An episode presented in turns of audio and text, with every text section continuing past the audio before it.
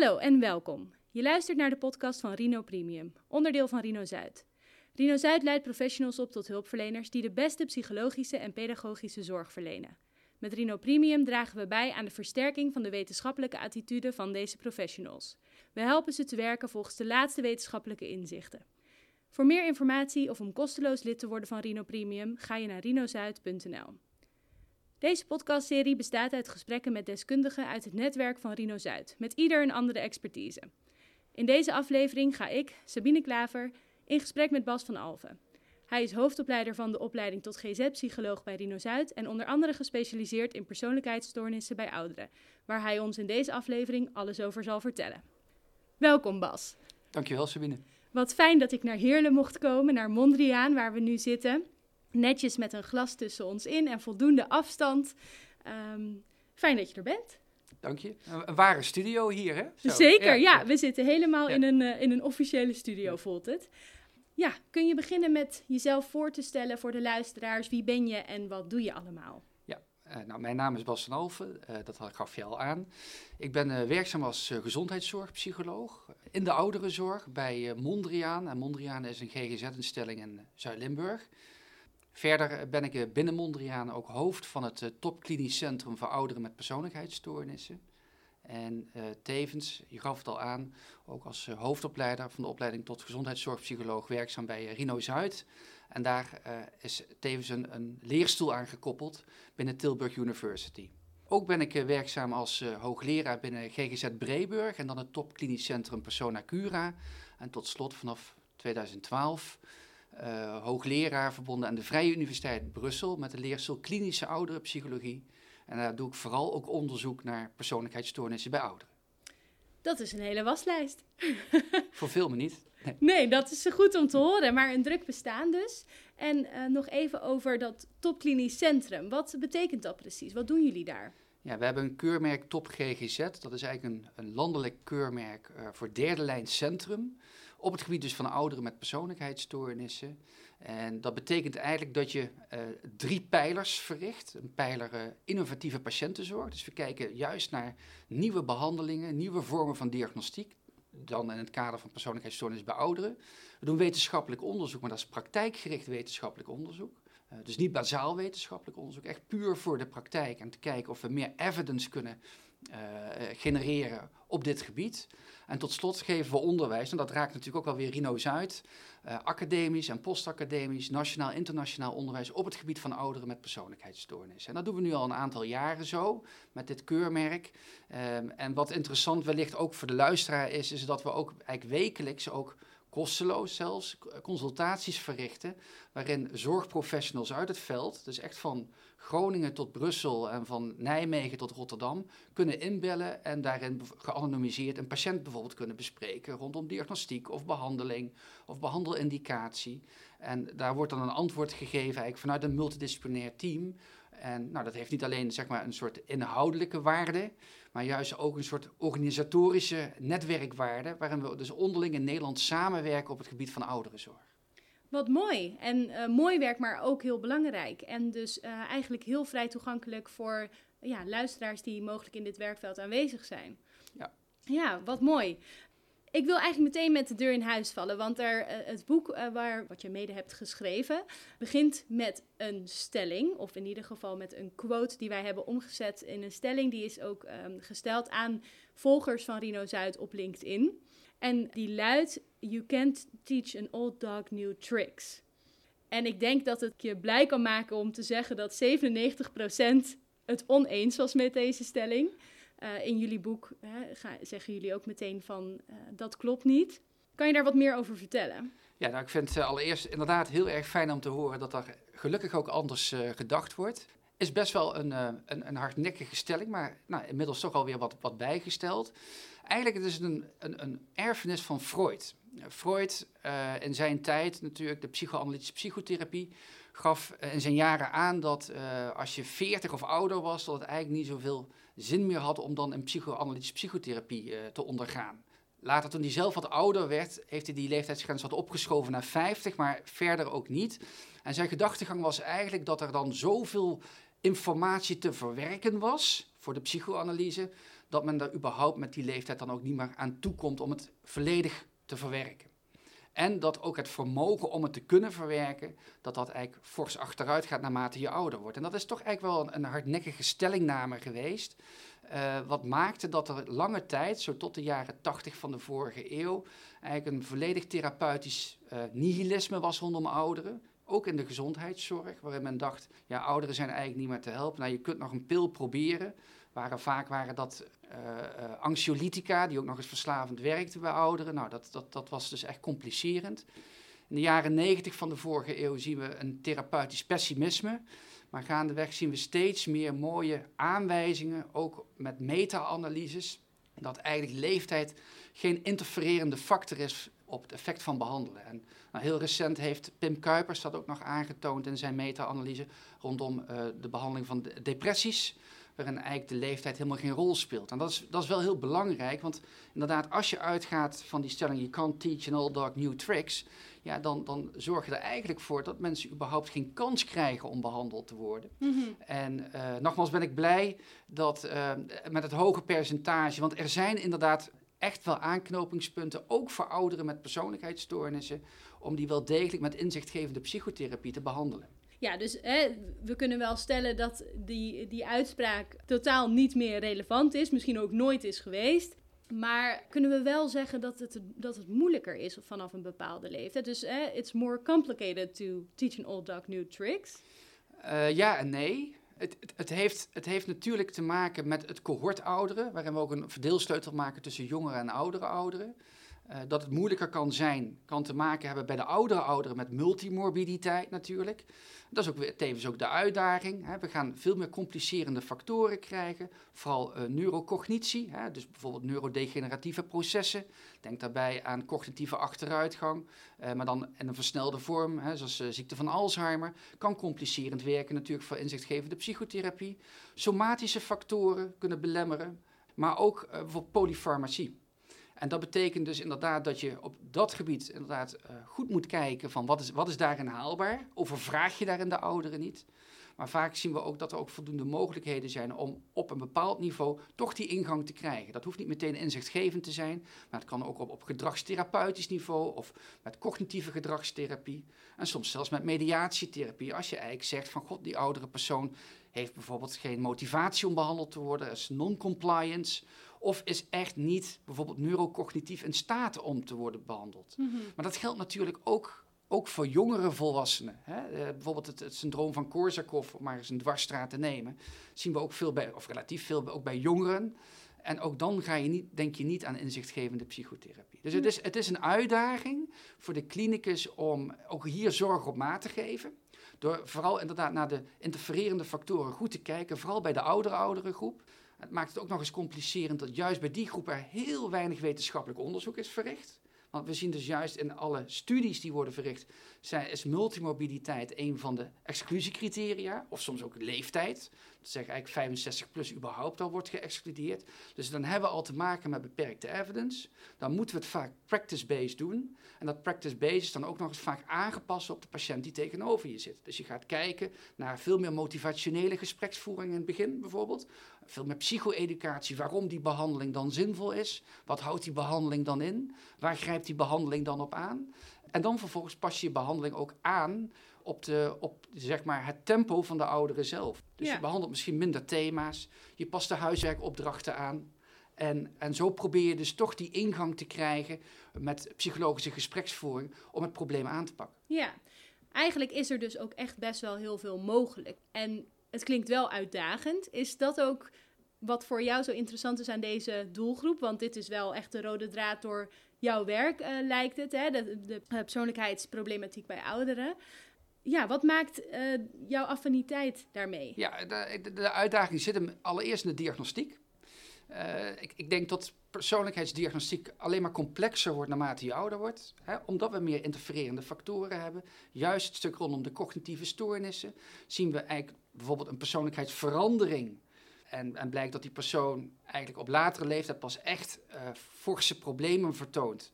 En, en het blijkt inderdaad gebaseerd te zijn op een veel meer uh, somatisch substraat. Hè, heel technisch gezegd. Het kan natuurlijk gewoon zo zijn dat er een tumor zit hè, in het brein. Wat maakt dat iemand eigenlijk ander gedrag laat zien, ander, een persoonlijkheidsverandering.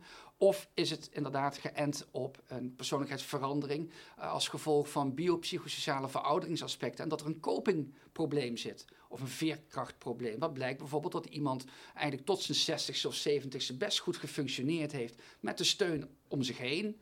Dat kan zijn de stabiliteit van het werk, de stabiliteit van de relatie, maar dat juist op latere leeftijd door het verlies van arbeid, door het verlies van naasten, dat eigenlijk het kaartenhuis min of meer in elkaar valt, in één valt. En dan, dan zie je eigenlijk een verscherping van die persoonlijkheid, puur op basis van bijvoorbeeld copingmechanismen. Ja, ja, de misschien niet al te uh, adequate coping, die wordt dan extra op de proef gesteld natuurlijk met de specifieke ja, uitdagingen waar de mensen op deze leeftijd mee te maken krijgen.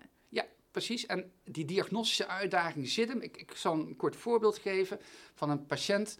Uh, die mevrouw die was 80. Uh, die mevrouw die was bekend met een theatrale of histrionische persoonlijkheidsstoornis. En van de ene op de andere dag werd ze naast haar man wakker en ze begon te gillen en te doen en ze herkende haar man helemaal niet. En wie is die man die naast mij ligt? gilde ze. En men dacht in de omgeving meteen, nou ja, het zal wellicht wel een kenmerk kunnen zijn van die histrionische persoonlijkheid. Maar wat bleek nou later? Dat deze mevrouw een CVA heeft doorgemaakt en dat er sprake was van een prosopagnosie. Dat wil eigenlijk zeggen dus, dus dat je niet in staat bent gezichten te herkennen. Dus dit vind ik een, voorbeeld uit de praktijk waarin die somatiek zo belangrijk is en waarin die puzzel, die diagnostische puzzel, nog complexer is om uiteindelijk vast te stellen, nou ja, is het gedrag verklaarbaar vanuit de persoonlijkheid of zijn er toch andere factoren die, eh, die meespelen in dat geheel? Ja, je moet naar veel factoren tegelijk kijken eigenlijk, hè? dat is heel belangrijk. Wat zijn um, nog meer specifieke uitdagingen in de diagnostiek van persoonlijkheidsproblematiek bij ouderen? Nou, je hebt dus naast inderdaad het biopsychosociale aspect en de interactie daarvan, heb je te maken met een beperkt testinstrumentarium. Um, de, de bestaande persoonlijkheidsvragenlijst zijn niet of nauwelijks, nou zit daar wel gaandeweg ook wel weer, een beweging in, maar niet gevalideerd voor ouderen. Dus je hebt, je hebt geen normeringsgegevens of beperkte normeringsgegevens. En aan de andere kant heb je ook nog te maken met een enorm heterogene groep een groep ouderen waarvan een 80-jarige misschien wel in het lichaam zit van een 40-jarige, maar die uh, eh, 60-jarige eh, eigenlijk al in het lichaam zit van een 80-jarige en alles wat daartussen zit. Dus er is niet één oudere. Dus dat betekent dus dat dat extra complex is van hoe vertaal je nou die normeringsgegevens die er wel zijn naar de persoon die tegenover je zit. Een andere complicerende factor, en niet dat de DSM-klassificering dat dat zaligmakend is, maar ja, het is nog steeds een communicatiemiddel, is dat uit onderzoek blijkt, en dat is mooi wetenschappelijk onderzoek uit 2007 van Steve Balsis, dat bijna een derde van de DSM-criteria van een persoonlijkheidsstoornis niet aansluit of onvoldoende aansluit op ouderen. En dan betekent dat de kans op onderdiagnostiek heel hoog is. Dus dat is ook een extra complicerende factor en uitdaging. Maar goed, er, is niet alleen, zeg maar, er zijn niet alleen knelpunten te, te benoemen. Een voordeel is natuurlijk dat een oude persoon een heel leven achter de rug heeft. Dus je, je hebt met een goede uh, heteroanamnese, maar ook een autobiografie, ook heel veel aanwijzingen juist weer of iemand nou wel voldoet aan bepaalde criteria van een persoonlijkheidsstoornis of niet. Ja. Dus daar, zit, daar zitten ook wel weer de, de voordelen. Ja. Dus dat is belangrijk om te weten. Hè? Dat het kan complex zijn, je moet met veel factoren rekening houden, maar er is wel heel veel mogelijk. Absoluut. Ja. En als we het dan hebben over de behandeling, hè, hoe ziet die eruit voor persoonlijkheidsproblematiek bij ouderen? Dat is natuurlijk, je zegt een hele heterogene groep, dus dat zal ook heel erg verschillen van persoon tot persoon. Plus hè, de persoonlijkheidsproblematiek uh, kan natuurlijk heel breed zijn. Um, maar over het algemeen, hoe wordt dat aangepakt? Ja, op dat gebied zijn er, uh, ja, is, er nog, is de wetenschappelijke bewijskracht is gewoon nog steeds beperkt. We hebben in totaal drie studies uh, zijn er verricht naar de effectiviteit van het behandelen van persoonlijkheidsstoornissen bij ouderen. Dat kun je samenvatten als uh, ja, het is zinvol om dat te doen. Maar op onderdelen zie je dat ouderen minder profiteren vergeleken met jongere volwassenen. En op andere onderdelen zien we weer dat ze ofwel evenveel profiteren of zelfs meer profiteren. Dus daar, daar, zit nog wel wat, daar is nog wel wat werk te doen, nog wat werk aan de winkel. Dat heeft te maken natuurlijk ook met de verschillende samples, onderzoekspopulaties. Eh, maar vaak ook met de ernst van, van de populatie. Nou, er zijn voor ouderen zijn er, ook vanuit ons topklinisch centrum, waar we dus ook uh, innovatief onderzoek ook doen naar de effectiviteit ook natuurlijk van die innovatieve interventies, zijn er verschillende mogelijkheden. Uh, daar zit de mogelijkheid van inzichtgevende psychotherapie. Dan denken we aan individuele schematherapie of aan kortdurende groepschematherapie. Uh, dat zijn mogelijkheden. Ook meer klachtgericht of adaptatiebevorderende therapieën. Dus dat is minder intensief en invasief. En dat betekent eigenlijk dat je op onderdelen eigenlijk gaat behandelen. Bijvoorbeeld op onderdelen van de echtbare relatie of het systeem waar het knelt op latere leeftijd. Of op onderdelen van impulsiviteit, want ook dat kan voorkomen bij ouderen. Of op onderdelen van het interactionele stuk. Uh, dus daar, daar ga je op onderdelen ga je klachtgericht behandelen. Maar bij bepaalde ouderen is het gewoon, ik gaf het net al aan, als gevolg van multimobiliteit, als gevolg van non-compliance, als gevolg van beperkte of geen zelfreflectie, geen ontbreken van ziektebesef en inzicht, is het niet mogelijk om op klachtgericht of persoonlijkheidsveranderend te behandelen. En dan gaan we wat meer op steunend structurerend niveau zitten. En we zien ook vanuit ons topklinisch centrum dat we dan vooral zitten op disease management.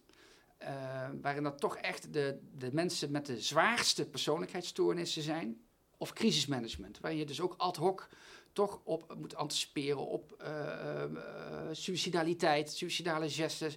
En, en daarmee dus eigenlijk uh, ja, vrij intensief aan het behandelen bent, zonder dat je eigenlijk veranderend aan het behandelen bent. Dus je bent eigenlijk veel meer aan het stabiliseren. Ja, dus dat steunend, structurerend behandelen, dat gaat vooral om het, ja, denk aan verkrijgen van een activiteitenpatroon of een dagstructuur, een weekstructuur, eigenlijk de invulling zo passend mogelijk van het dagelijks leven. Klopt, je, je, bent, je ontwikkelt een uh, steunsysteem. Iets wat is bijvoorbeeld weggevallen hè, als gevolg van het overlijden van de partner. Inderdaad, dagactivering, maar ook wel ondersteunende gespreksvoering. Dus het kan ook onderdeel zijn van uh, live review, hè, waarin mensen ook terugblikken. Zelf een soort een balans, levensbalans opmaken. Uh, maar dan zit het veel meer vanuit het ventilerende, het luisterende, dan echt het, het veranderende. Uh, vanuit een echt wat meer klachtgerichte of inzichtgevende psychotherapie. Ja, want dat klachtgerichte en inzichtgevende en dus ook wel echt persoonlijkheidsveranderen, dat, dat is dus wel mogelijk bij een bepaalde groep. Ja, dat is mogelijk. Dan moet ik erbij zeggen dat we, dat zijn toch vooral de jonge ouderen waar we op dit moment eigenlijk die behandelingen toepassen. Dat heeft weer te maken met die multimobiliteit. Daar doen we ook onderzoek naar. Uh, en we zien daar zelfs ook dat ouderen misschien zelfs een streepje voor hebben uh, in, in, de psychotherapie.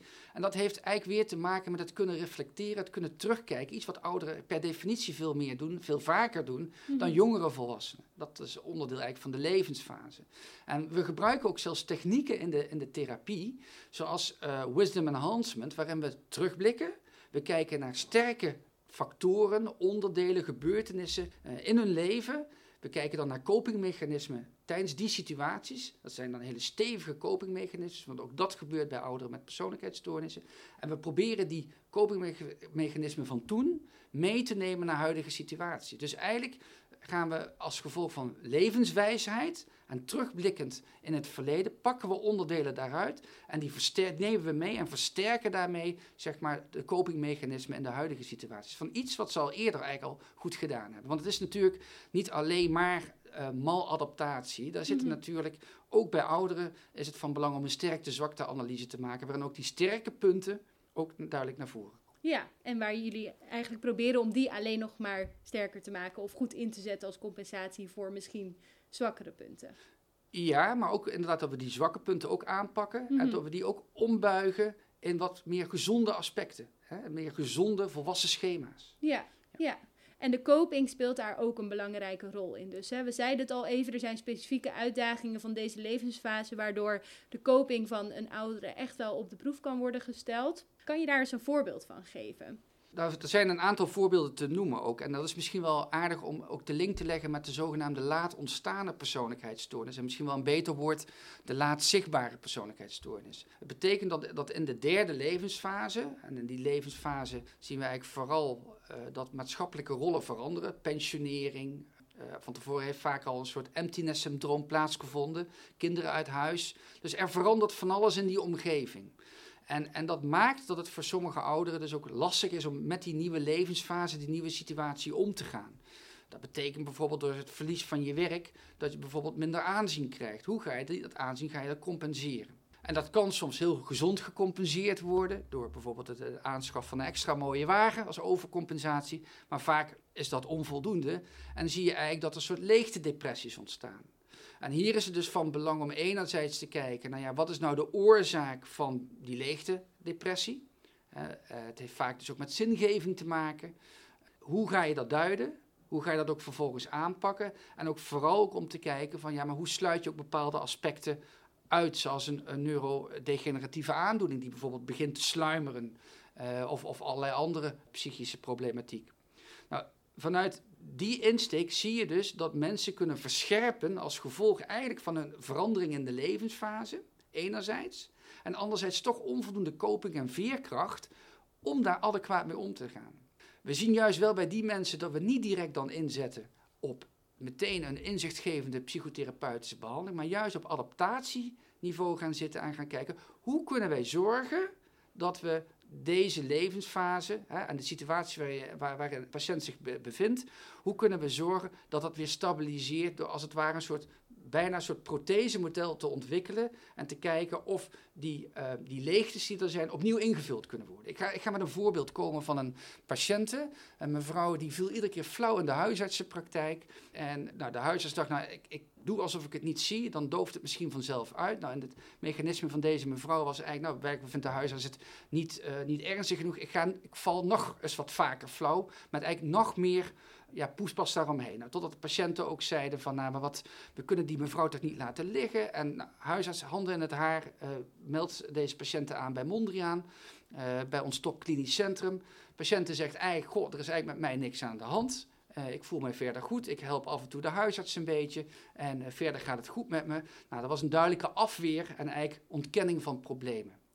Na een aantal gesprekken werd eigenlijk wel heel erg duidelijk waar de pijn echt zat. En dat het bleek het een soort neiging tot ja, somatisatie te zijn, omdat ze was afgewezen op haar leeftijd. Namelijk als mevrouw, u bent te oud. U bent te oud om nog modeshows te lopen. En dat deed pijn, dat deed letterlijk pijn. En we zagen dan ook daar ook, ook retrospectief een toename van somatische klachten. Nou, lang verhaal kort. Eigenlijk was de, de therapie was eigenlijk geënt van hoe ga je dat weer opnieuw opvullen?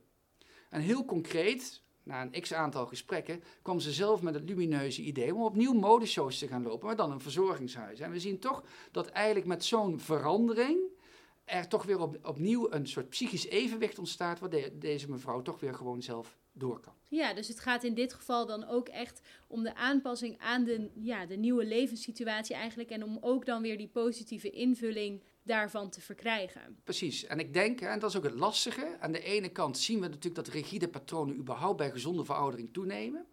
Aan de andere kant zien we ook dat eigenlijk er nog nooit in het leven zo'n groot beroep wordt gedaan op flexibiliteit en veerkracht, juist in die laatste levensfase. Dus mhm. daar, daar is een spanningsveld. En dat maakt ook dat mensen ook voor het eerst uit balans geraken, of kunnen geraken, op latere leeftijd. Ja, dan ben ik ook wel benieuwd om een beetje ervan af te wijken, maar hoe speelt de huidige coronacrisis een, een rol daarin nu? In de behandeling ook? Ja, ik heb daar een, een, aantal ervaringen in opgedaan. Die waren eigenlijk, vond ik, uitermate boeiend. Um, bij de eerste golf, bij die start, zag ik binnen mijn eigen patiëntpopulatie dat mensen het eigenlijk wel heel goed konden kopen. Hè? En ze hadden daar eigenlijk best wel, uh, want het gaf enerzijds het gevoel van solidariteit. Wij zijn niet de enigen die eenzaam zijn, dus dat mhm. was wel heel mooi. Of letterlijk dat een patiënt tegen mij zei: Goh, ik draag nu eigenlijk mijn steentje bij om niet uit huis te gaan. Dus nou, dat was dan eigenlijk voor haar ook zoiets van: nou, ik, ik, heb, ik krijg weer een functie in de maatschappij, want ik houd me aan de coronaregels. Ik zie wel in de tweede golf dat daar de rek ook, ook bij mijn patiëntenpopulatie ook wel wat uit is hoor. Uh, en dat uh, de toename van angst, angstklachten, uh, ook, ook wel, ik zie wel randpsychotische en psychotische kenmerken in, deze groep terugkomen. Juist ook omdat ze nog meer vereenzamen. en dat natuurlijk ook, ook bij gezonde veroudering zien we eigenlijk al de kansen op wat achterdocht toenemen. Omdat de zintuigelijke functies wat afnemen, het cognitief functioneren neemt wat aan, af. Maar er is nu ook geen of minder realiteitstoetsing, omdat ze nog eenzamer zitten, een eigen wereld creëren. En dat soms ook die wereld dan ook ja, wat over kan gaan en, en wat randpsychotische verschijnselen. Ja. ja, die vereenzaming is misschien al een probleem van, van ja, die uh, doelgroepen, hè, van de ouderen. Um, en wordt nu natuurlijk enorm versterkt door de huidige situatie. Ja. En waar je dus merkte dat in de eerste golf daar nog wel een gevoel was van we doen dit samen en ik kan eigenlijk ook wat betekenen nu juist uh, bij sommige patiënten, is de rek daar nu wel uit en wordt het eigenlijk wel steeds moeilijker dus. Ja. Ja, dat geldt misschien wel voor alle leeftijden. Het geldt voor alle leeftijden, ongetwijfeld. Waarbij ik wel denk dat de ouderen daarin extra kwetsbaar zijn. Ja. Alleen al voor corona. Ja, dus ja, Ja. niet alleen op, eh, op fysiek vlak, precies. maar natuurlijk ook geestelijk. En je denkt ook dat die vereenzaming daar de grootste rol in speelt? Ik denk dat vereenzaming daar enerzijds een grote rol in speelt. Anderzijds ook, we hebben natuurlijk onze therapieën moeten aanpassen. Dat betekent ook dat we andere vormen van therapieën hebben moeten doen. Of minder therapie soms. Nou, dat, dat speelt natuurlijk ook een belangrijke rol in dit geheel. Het zijn Ja. toch mensen die wij hier in behandeling hebben, die allemaal zorg nodig hebben. En dat proberen we natuurlijk zo goed mogelijk te doen. Maar er waren met momenten ook restricties. En we hebben hier zelfs ook eh, binnen Mondriaan, binnen ons topklinisch centrum, ook een corona-uitbraak gehad op een afdeling. Ja, dan, zit je, en dan ben je met hele andere dingen wat dat betreft bezig om toch die, die, die zorg te managen. En, eh, maar dan kun je niet die zorg leveren die je eigenlijk oorspronkelijk natuurlijk beoogd had om te Ja, en die de patiënten eigenlijk juist ook heel hard nodig hadden. Absoluut. Ja, ja. Hey, en over de behandeling. Hè. We hebben nu al genoemd dat het eigenlijk kunnen we misschien spreken van een soort spectrum waarop je gaat kijken, oké, wat is er mogelijk bij de ouderen? En is dat het ene moment meer eh, steunend structurerend eh, of misschien meer interventies ook gericht op de omgeving. Maar op een gegeven moment, hè, er zijn ook ouderen waarbij echt wel die persoonlijkheidsveranderende therapie mogelijk is. Zijn er dan ook bepaalde kenmerken van een behandelaar die daarin belangrijk zijn? Dat denk ik überhaupt. Er zijn ook natuurlijk überhaupt generieke kenmerken nodig hè, eh, en ook belangrijk. Als je kijkt naar een behandelaar, überhaupt gezien bij ouderen, zit, je natuurlijk al met een leeftijdsverschil. Dus het, het vraagt natuurlijk van de behandelaar een inlevingsvermogen in een andere levensfase. Dus dat, dat, is, al, dat is al één. Eh, er moet ook inlevingsvermogen zijn en ook, ook ehm, rekening gehouden worden met het feit dat onze patiëntenpopulatie ook een echt ander cohort is. Dus ook met een, een heel andere opvoeding doorgaans. Hè, eh, om maar wat voorbeelden te geven. Hè. De rol in het zuiden van het katholicisme, hoe belangrijk dat was. Of het gezin als hoeksteen van de samenleving. Dus je ziet dus dat je te maken hebt met andere variabelen, eigenlijk andere pa- patiëntvariabelen. Dat, dat, vraagt, eh, dat vraagt inlevingsvermogen, dat vraagt ook kennis eh, op dat gebied. Eh, een, ander iets is denk ik ook geduld. Eh, geduld in die zin dat je te maken hebt met eh, een cohort, maar ook met een patiëntpopulatie, waarin je bijvoorbeeld veel meer moet uitleggen waarom je dus inderdaad een, een vorm van behandeling toepast. Eh, zeker de oudere ouders zijn überhaupt niet bekend met psychologische hulpverlening. Of als ze het kregen in het verleden, ja, dan waren dat vaak toch wel echt de, de zware psychiatrische behandelingen met eh elektroshocktherapie. Zelfs bij mensen die soms alleen maar surmenage of burn-out klachten hadden. Hè. Dus ze waren soms ook nog wel getraumatiseerd eigenlijk door de behandelingen van vroeger. Of mensen hebben überhaupt dus geen behandeling gehad, omdat ze ook geleerd hadden, ook vanuit het cohort, eh, van je hangt de vuile was niet buiten. Dus dat vraagt van de behandelaar al meteen eh, eh, veel accent, veel focus op motivationele gespreksvoering. Waarom is het nodig? Hoe gaan we het doen? Aan de andere kant vraagt het dus ook een aanpassingsvermogen dat je bijvoorbeeld maar een beperkt aantal thema's bespreekt in je gesprek. En dat je de huiswerkopdrachten ook beperkt bijvoorbeeld laat. Of dat je zorgt dat er ook audiovisuele mogelijkheden zijn waarin het gesprek wordt opgenomen of video waarin dus ouderen dus dat nog eens een keer goed kunnen nakijken. Omdat gewoon, we hebben te maken, eigenlijk al vanaf een veertigste zie je eigenlijk dat de, de inprenting wat afneemt, hè, het cognitief functioneren.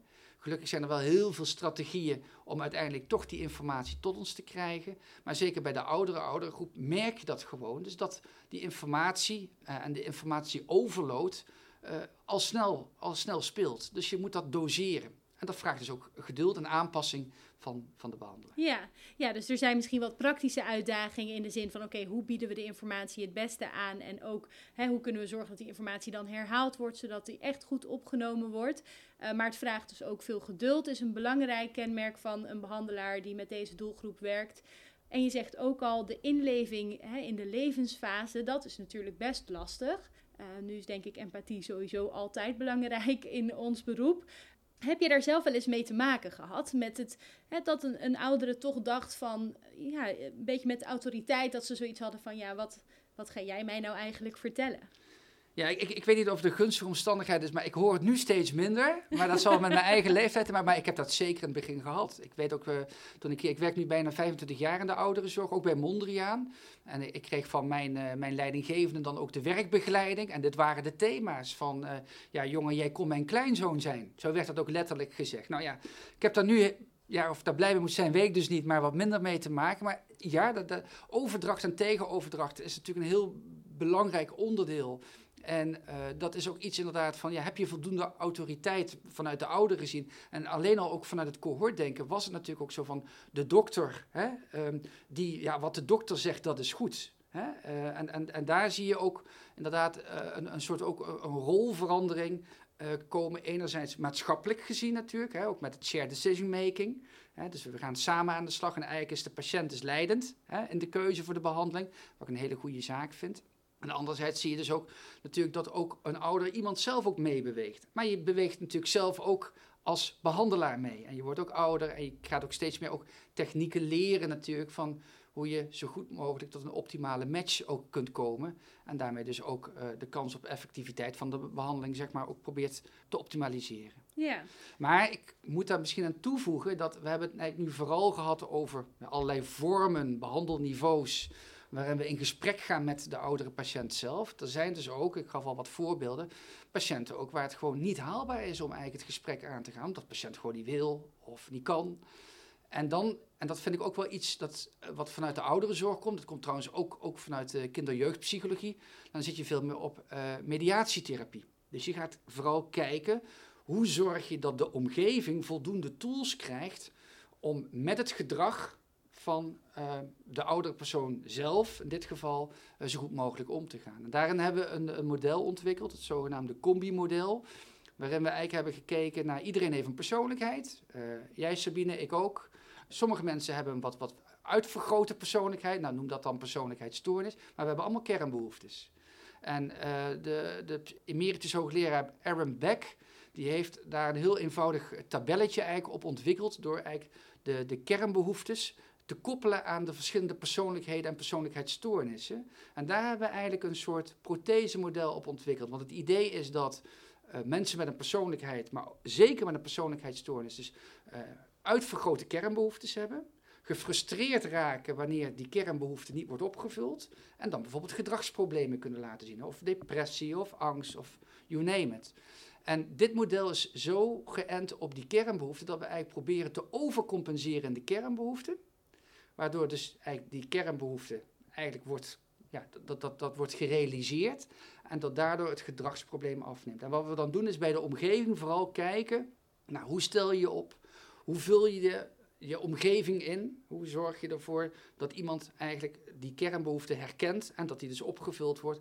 En daar hebben we nu eerst onderzoek naar gedaan. Hè? Dus concreet gezien bij narcistische dynamiek ga je ook zorgen dat iemand een speciale omgeving krijgt. Uh, je gaat vooral ook zeg maar, de, de, de, vormen van idealisering, die, die druk je niet uh, de kop in, maar die laat je voor wat je zijn. En gaat ook positieve stimulering zitten. En uh, dan zien we ook dus dat mensen bijvoorbeeld ook met narcistische problematiek, en ik geef hier maar hele beperkte voorbeelden, dat voert wat verder, zie je ook echt dat de gedragsproblemen en de, de, en de stemmingsproblemen wat afnemen met dit prothesemodel. Nogmaals, dit zijn natuurlijk niet de grootste en de hoogste effect sizes die worden behaald, mm -hmm. maar we zien wel dat we hier iets kunnen geven voor een groep die eigenlijk min of meer onbehandelbaar is.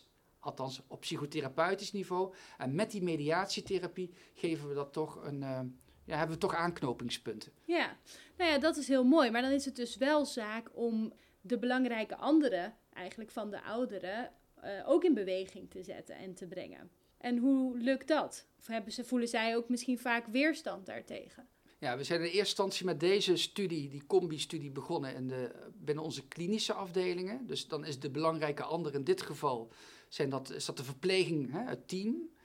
Uh, maar ook dat is hè, terechte vraag hoor. Ook, ook de, die groep moet je in beweging zetten. Want het, het is, ze hebben de hele dag, 24 uur per dag te maken met deze oudere patiënten. En uh, dat betekent dus dat ja, in die zin er ook veel overdracht en tegenoverdracht is. Mm -hmm. En je met dit model eerst teruggaat naar, ja, dit is niet iets wat mensen met opzet doen naar jou toe. Ze willen jou niet persoonlijk kwetsen, daar zit iets achter. Dus daar begint het al, eigenlijk met een stukje psycho-educatie. Dus we hebben ook gemerkt ook dat, dat is de, de aftrap. Dan gaan we eigenlijk methodisch aan de slag. En dan zie je ook wel dat er een duidelijke structuur ook in het verpleegkundig team zit. Als we gaan kijken naar de mantelzorgers, want een hele terechte opmerking, dan doen we dat min of meer, dat hebben we nog niet onderzocht, maar dat doen we wel in de praktijk, dat we inderdaad die mantelzorger daarin meenemen. En dat betekent dus ook ja, een behoorlijke tijdsinvestering om juist uitleg te geven over die achtergronden, waarom mensen dat doen, en vervolgens dat ze het zelf nog in beweging kunnen zetten. Mhm. ja. ja. Ja, dus daar komt toch ook best wel wat bij kijken. Ja. ja. Wel mooi dat dat mogelijk is. En ik denk ook dat het hè, op, als gemerkt wordt dat de gedragsproblemen afnemen, dat iedereen er dan uiteindelijk bij gebaat is. En dat het dus ook niet per se nodig is om heel analytisch of hè, persoonlijkheidsveranderend uh, aan de slag te gaan, maar dat dit al veel kan bieden. Ja, ik denk voor een bepaalde groep wel. En ook hier geldt natuurlijk weer meer onderzoek is nodig. Mhm. Daar zijn we ook druk mee bezig. Kunnen we dat ook generaliseren naar andere ouderenpopulaties? Maar dit is in ieder geval een aftrap uh, waarin de persoonlijkheid centraal staat, enerzijds. En anderzijds ook wel, is onze ervaring, een, een feasible model is omdat het een, een, vrij eenvoudig model is in de communicatie, maar wel weer duidelijk herkenbaar is bijvoorbeeld voor het verpleegkundig team. Ja, ja. ja mooi. Ik hoor je wel al een paar keer zeggen dat dat onderzoek toch wel achterloopt voor deze doelgroep. Komt dat dan wel door toch een beetje dat uh, achterhaalde idee van you can teach an old dog new tricks? Deels. Ik, uh, ik, ik, ik, las recent een artikel van de voorzitter van de Nederlandse Vereniging voor Psychiatrie. En die, die gaf aan, uh, vanuit het psychiaterperspectief, dat het thema persoonlijkheidsstoornissen toch niet tot de favoriete thema's behoren in de psychiatrie. Nou, dat is al één. Nou, nou gaf ik eigenlijk net ook al eerder aan dat ouderen ook niet tot de meest favoriete hè, uh, thema's behoren. In ieder geval wetenschappelijk gezien worden ze vaak geëxcludeerd. Dus het, betekent dat ik inderdaad wel twee thema's samenneem, waarin ja, die misschien wel weinig favoriet zijn, waarvan ik nu echt meteen ook kan zeggen, dat is echt, echt niet terecht. Uh, maar dat dat inderdaad weinig stimulerend is geweest voor anderen om daar wetenschappelijk onderzoek naar te doen. En, en dat maakt denk ik ook dat daarin die beperking ook vooral zit. Hè? Complex, lastig enerzijds. Hè, dat is denk ik ook wat de voorzitter van de Vereniging Psychiatrie bedoelt. En anderzijds, ja, ouderen, ja, die zijn inderdaad, wat jij al terecht zegt, die zijn al niet meer te veranderen. Nou ja, het is voor mij een extra stimulans om het dus juist wel aan te tonen dat het wel kan. En dat doe ik gelukkig niet alleen, dat doe ik met een heel onderzoeksteam. En uh, ja, wij zijn eigenlijk steeds meer overtuigd dat er veel meer in zit. Dus, ja. Uh, ja, nou en wat zou je dan willen zeggen tegen uh, psychologen die of nu al werkzaam zijn of in opleiding zijn, uh, om ze een beetje eigenlijk warm te maken voor deze doelgroep? Ik denk, uh, één is het, als, als je van puzzelen houdt, en dan bedoel ik de diagnostische puzzels, zoals ik al eerder aangaf, dan raad ik dat zeker aan. Ik raad ook aan om, zeker als je in een opleiding bent, om eens gewoon mee te lopen. Want ik, ik merk het zelf ook in het onderwijs wat ik geef, zie ik mensen die, opleidingsdeelnemers, die eigenlijk totaal geen relatie hebben met ouderen, behalve dat ze een opa of een oma hebben, dan ook al vanuit het theoretisch stuk al zeggen, oh ja, nou ja, het is toch wel interessanter dan ik eigenlijk uh, dacht. Nou, dat, dat gebeurt vaak, is mijn ervaring al helemaal, als je een, een snuffelstage ergens uh, uh, organiseert in een van de oudere settings, hè, binnen een GGZ-instelling. En, en een ander iets is om uh, je ook verder wat in te verdiepen van mocht je vragen hebben, en ik vind dat we daar ook als topklinisch centrum ook in moeten voorsorteren, om ook contact op te nemen, juist met mensen die, die daar of onderzoek in doen of um, praktijkwerk, het is veldwerk verrichten, om je te laten informeren uh, over deze groep. Want het is, het is echt, nogmaals, het is een uitermate boeiende, maar ook ja, ingewikkelde groep. Ja. ja, en daarom juist uitdagend. Absoluut. Ja. Een belangrijke vraag die ik altijd stel in de podcast is namelijk voor als er mensen zijn die uh, luisteren en die denken ik wil hier meer over weten. Wat uh, zou je dan aanraden qua literatuur? Ja, je hebt zelf in de redactie gezeten van um, het handboek wat hier op tafel ligt. Ja, uh, dat, dat, is een, een, lastige vraag in die zin van we hebben inderdaad als team al, al, behoorlijk wat, wat op papier staan. In die zin, daar is inderdaad het handboek uit 2018 kan een, een aanbeveling zijn als, als de, de, de toehoorder denkt van nou, ik, ik wil echt eens op het gebied van niet alleen ouderen met persoonlijkheidsstoornis, maar ook over comorbiditeit, maar ook over de ketenzorg in relatie tot ouderen met persoonlijkheidsstoornis, wil ik meer weten. Een, een andere tip zou kunnen zijn, en dat is eigenlijk een, een hele recente review van collega Christel Penders, waarin de, de laatste update over alle wetenschap rondom ouderen van persoonlijkheidsstoornis staat beschreven.